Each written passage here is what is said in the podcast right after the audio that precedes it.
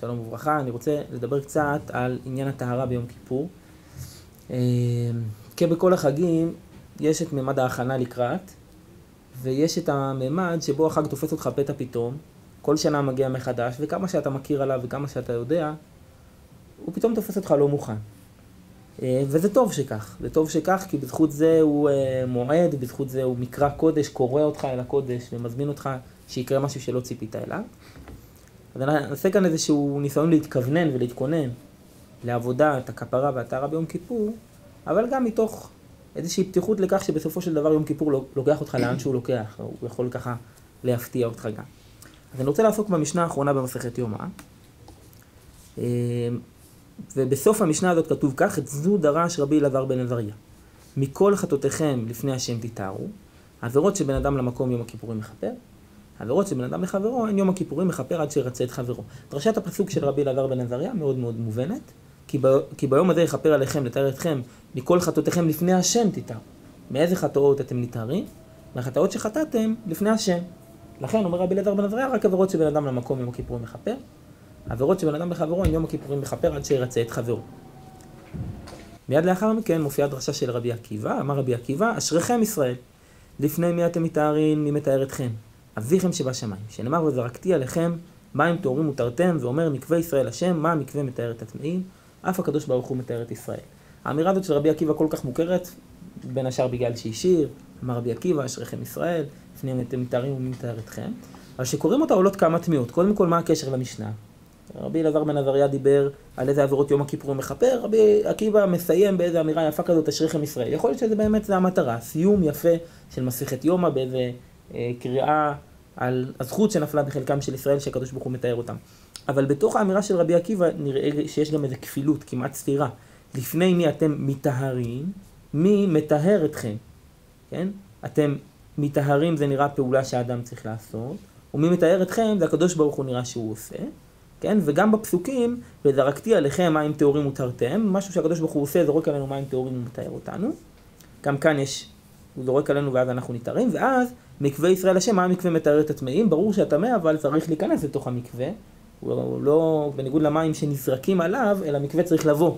אז יש כאן איזשהן שתי תנועות בפסוק, תנועה בדרשה של רבי עקיבא, תנועה אחת שבה הקדוש ברוך הוא מתאר אותנו עם רצוננו, בלי רצוננו, פשוט זורק עלינו מים טהורים ומתאר אותנו. ותנועה שנייה שאנחנו צריכים לבוא ולהיכנס לתוך המקווה שמתאר את הטמאים. דייק בדבר התוספות יום טוב בפירוש נפלא למשנה, והוא כותב ככה, לפני מי אתם מתארים וכולי. הדרך הישרה הוא שיעבור לו האדם בעצמו להתקדש ולהיטהר. ואז כשבא להיטהר מסייעים לו.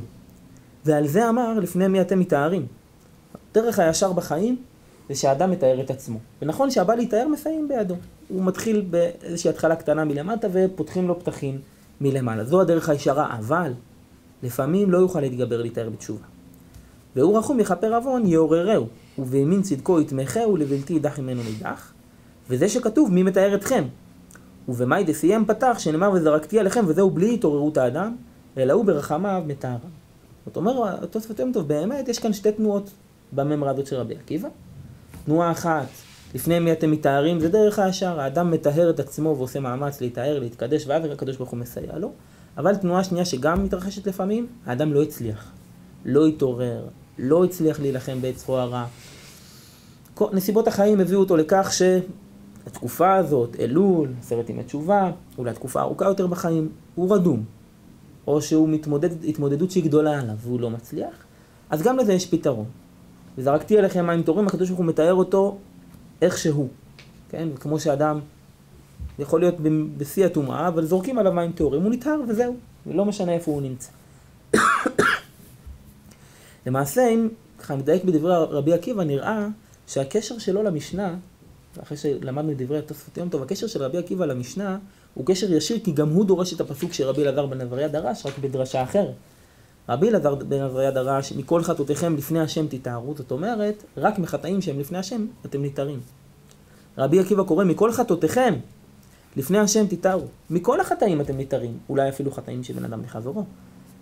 אז מה זה לפני השם תתארו? זה לא תיאור של החטאים, זה תיאור של הטהרה.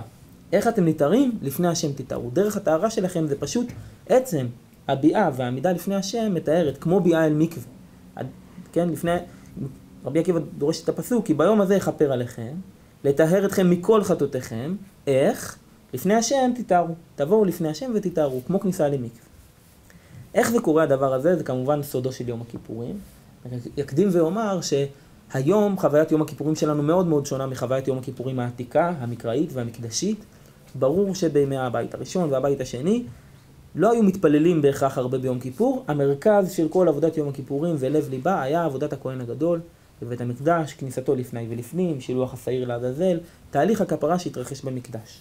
זה היה המרכז. באיזשהו מקום היום, שיום הכיפורים הפך להיות יום של תפילה כמעט מתחילתו ועד סופו, הוא מעניק חוויה אחרת, ואולי חלק מהניסיון אה, לשחזר או לחזור לעומק המקדשי שיש ביום כיפור, הוא אצלנו בתפילה להשקיע בסדר העבודה. הרבה פעמים סדר העבודה הוא דווקא חלק שנזנח בתפילה, עם כל הפיוטים והשירים והתחינות והבקשות והווידואים.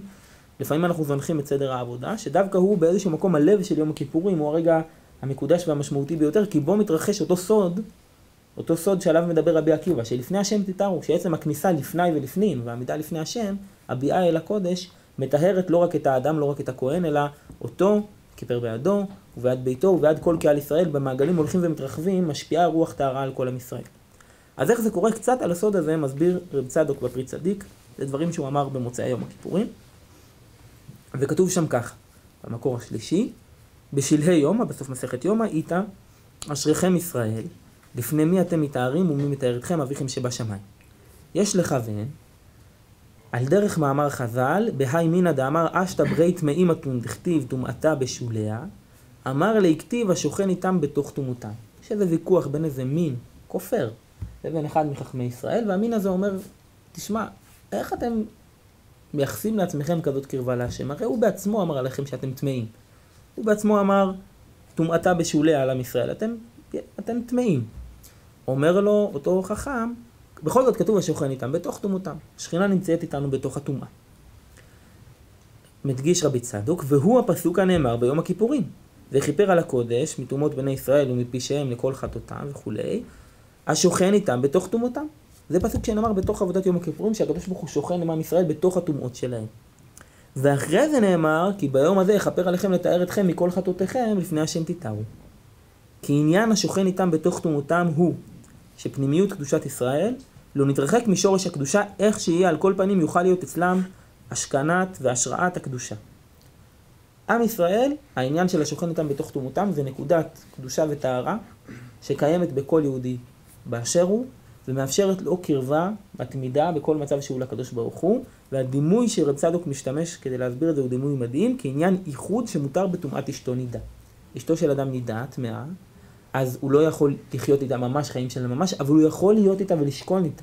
בניגוד לדיני איחוד עם פנויה שאסור להתייחד ולסגור את הדלת ולהיות בבית לבד, בייחוד עם אשתו נידה, מותר לו להיות איתה. זה השוכן איתם בתוך טומאתם. יש כאן מצב של טומאה, אבל הוא מצב של טומאה שלא מונע את הייחוד, לא מונע את החיבור המתמיד שיש בין עם ישראל לקדוש ברוך ואחרי זה נאמר, כי ביום הזה יכפר עליכם, לתאר אתכם וכולי לפני השם תתארו, היינו, בסגולת היום הקדוש הזה פועל שיהיה הטהרה בשלמות לפני השם כביכול, שיוכל להיות הזיווג לפני השם פנים בפנים, והיינו על ידי עבודת כהן הגדול בקודש הקודשים שנקרא חדר המיטות כידוע. מדמה כאן רב צדוק את עבודת הכהן הגדול ביום הכיפורים לתהליך של ההתארות של האישה הנידה. גם לפני זה הקדוש ברוך הוא שכן איתם בתוך תמותם, אבל לא היה ייחוד ממשי, לא היה חיבור של פנים בפנים. מה שעושה הכהן הגדול ביום הכיפורים, שמכונה כאן על ידי רב צדוק חדר המיטות, מה שעושה שם הכהן הגדול הוא מנקה ומטהר לחלוטין את האיש, את האישה, באופן שמאפשר להם להתייחד מחדש פנים בפנים.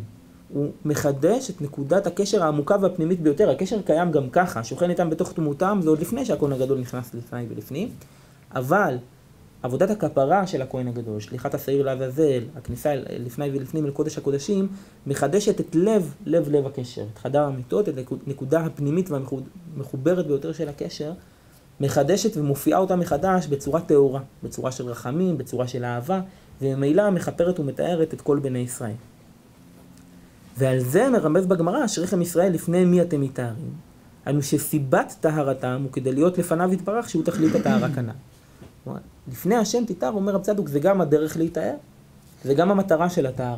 כל העניין הוא להחזיר את הפנים, את לפני השם, את הפנים בפנים, את היכולת להביט ולעמוד מול הקדוש ברוך הוא פנים בפנים, ברגע של טהרה ושל, ושל חיבור. ומי מתאר אתכם? אביכם שבשמיים.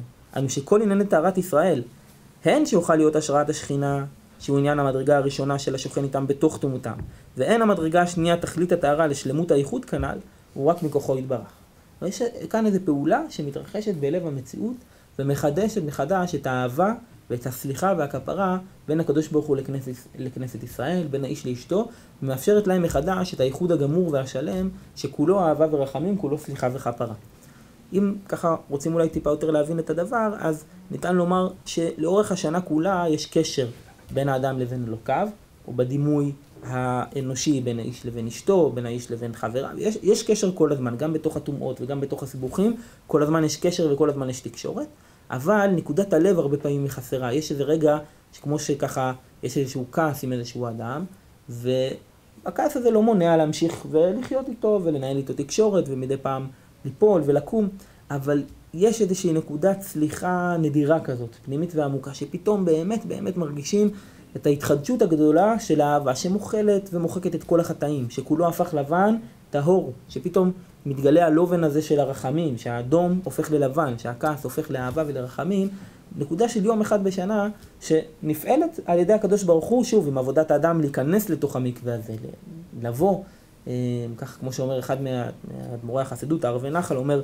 שמה המקווה מתאר את הטמאים, הדימוי הוא שליום כיפור אפשר להיכנס טמאים כמו שנכנסים למקווה, לא צריך בהכרח רק לעשות עבודת טהרה לפני כן, אלא עצם הכניסה למים הטהורים האלה היא מתארת, ואדם יכול לבוא לשם עם לכלוכו וטומאתו, ככה כותב, נכנס לתוך מקווה המים ורחץ וטהר, ככה הקדוש ברוך הוא כביכול מתאר את ישראל ונעשה מקווה להם לטהרם והאבן והדברים עתיקים. יש כאן איזו כניסה לתוך מקווה טהרה, מים טהורים שמחדשים את הבריאה, מחדשים את נקודת הלב של האהבה ומתוכם מחדשים את כל החיים בקשר ובחיבור של, של פנים בפנים. אם נסכם את הדברים, אז השיר שאנחנו שרים ביום כיפור, של אשריכם ישראל, לפני מי אתם מתארים ומי מתאר אתכם, הוא התיאור של רבי עקיבא, הן את איך ניתרים והן את למה ניתרים. סיבת הטהרה זה לחזור למצב של לפני השם, של יכולת להביט פנים בפנים, של יכולת של חיבור, של רחמים ושל אהבה, וזו גם הדרך להיטהר. הדרך להיטהר זה להיכנס לתוך ההתרחשות הזאת של לפני השם, של כהן גדול שנכנס לפני ולפנים, ולהיות ב... להתברך, להתבשם, להיטהר מהמקום הזה שבו יש מפגש של אהבה, שהקדוש ברוך הוא מגלה את אהבתו ורחמיו עלינו ואת סליחתו הגדולה של כולו הפך לבן טהור. בעזרת השם שנזכה להתכפר ולהיטהר לפני השם, שיהיה יום כיפור אה, מטהר אותנו לפני אבינו שבשמיים. שבת שלום, שבת טובה ושמחה.